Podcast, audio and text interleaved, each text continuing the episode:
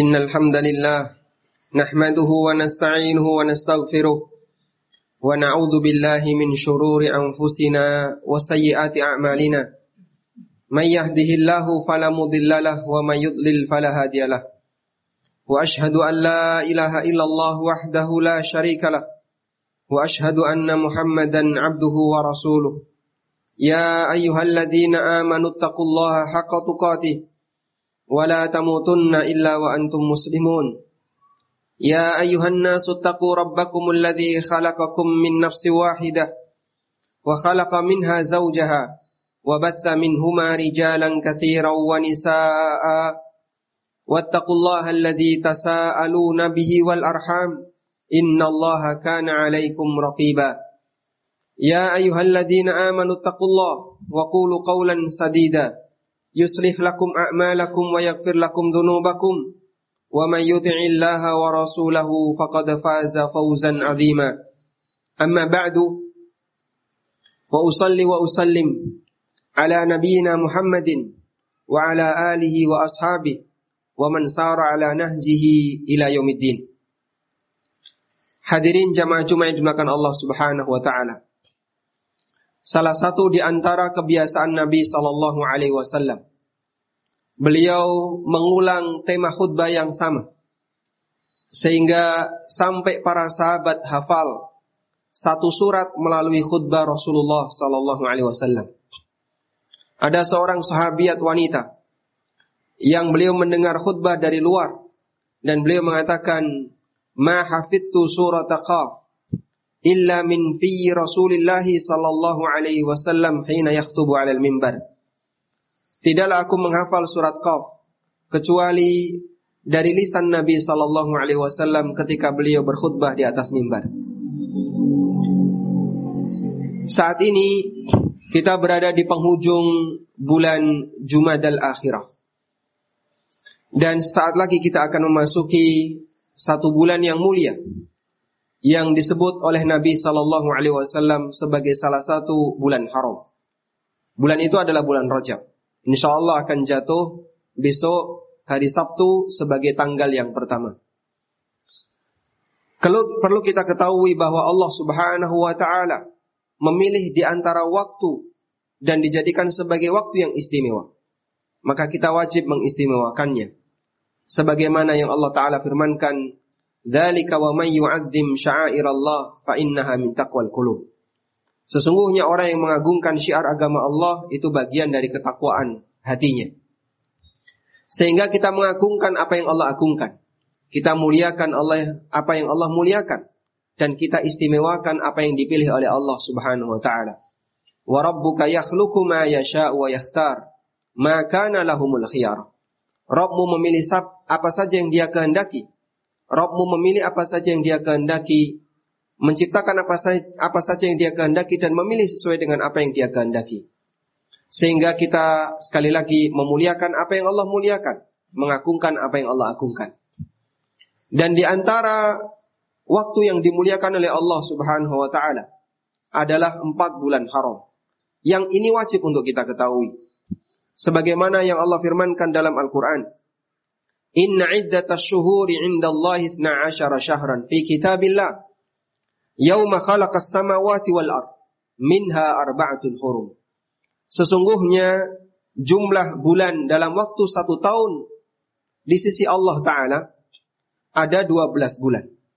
Fi kitabillah yang itu merupakan ketetapan Allah. Yauma khalaqas samawati wal ard ketika Allah menciptakan langit dan bumi. Sehingga saat Allah menciptakan langit dan bumi, Allah telah menetapkan dalam takdirnya bahwa jumlah bulan dalam satu tahun perhitungannya ada 12 bulan.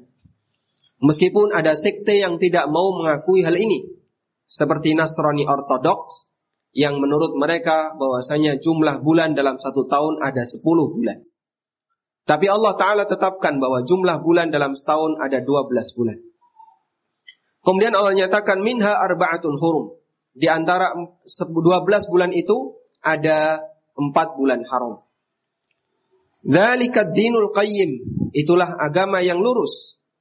Fala tadlimu fihinna anfusakum. Karena itu janganlah kalian melakukan perbuatan kezaliman terhadap diri kalian di empat bulan itu.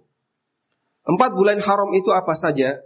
Disebutkan dalam hadis yang diriwayatkan oleh Bukhari dan Muslim.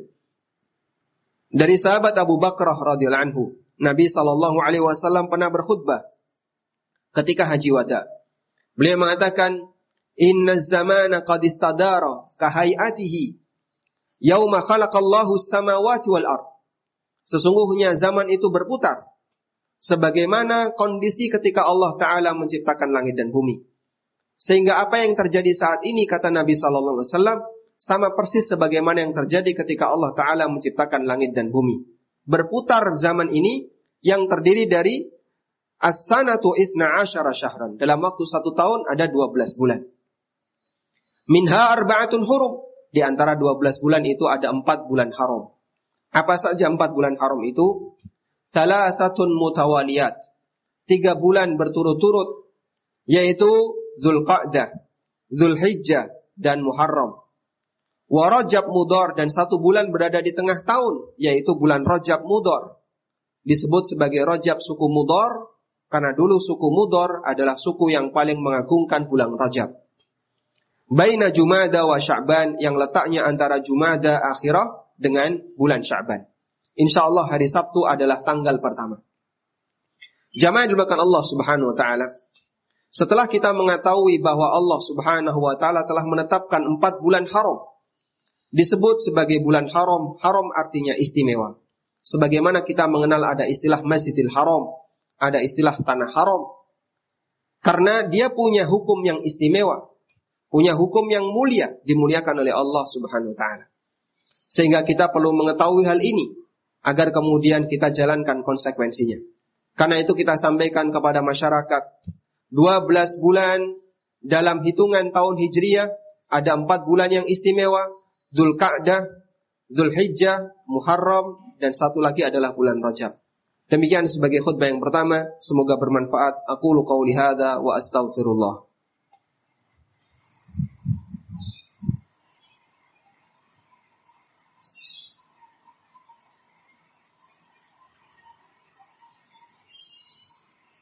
Alhamdulillahi wa kafa Wassalatu wassalamu ala rasulil mustafa وعلى آله وصحبه ومن وأشهد أن لا إله إلا الله وحده لا شريك له.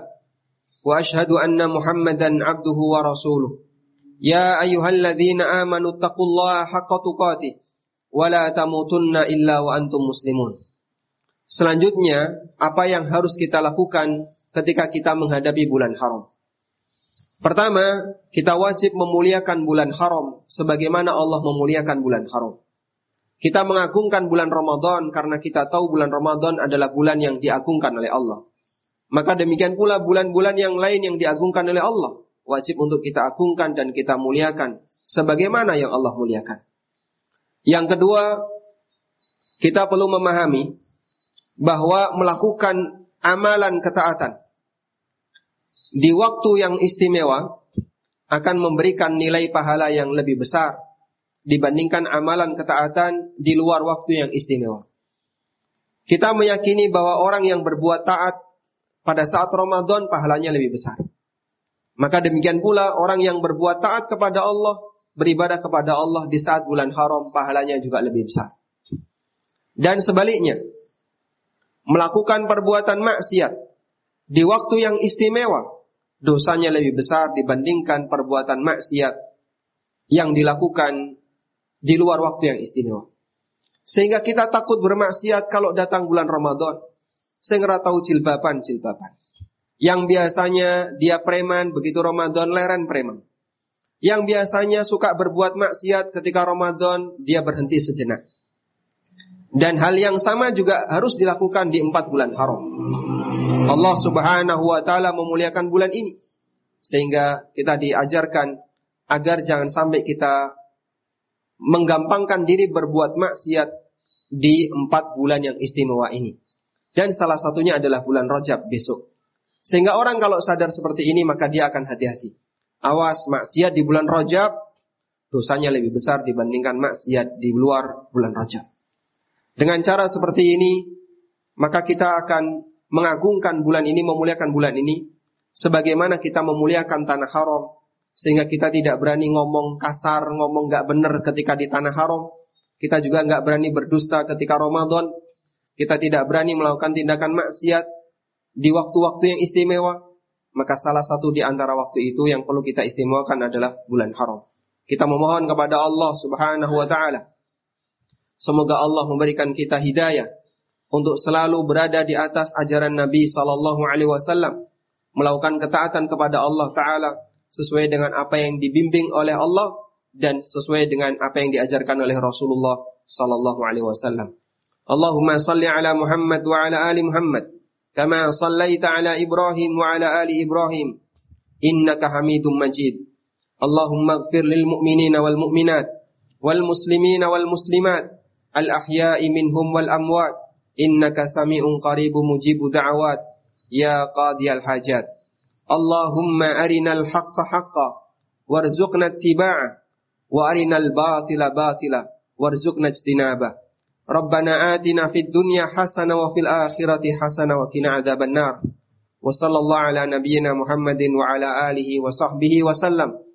وآخر دعوانا أن الحمد لله رب العالمين. وقوموا إلى صلاتكم.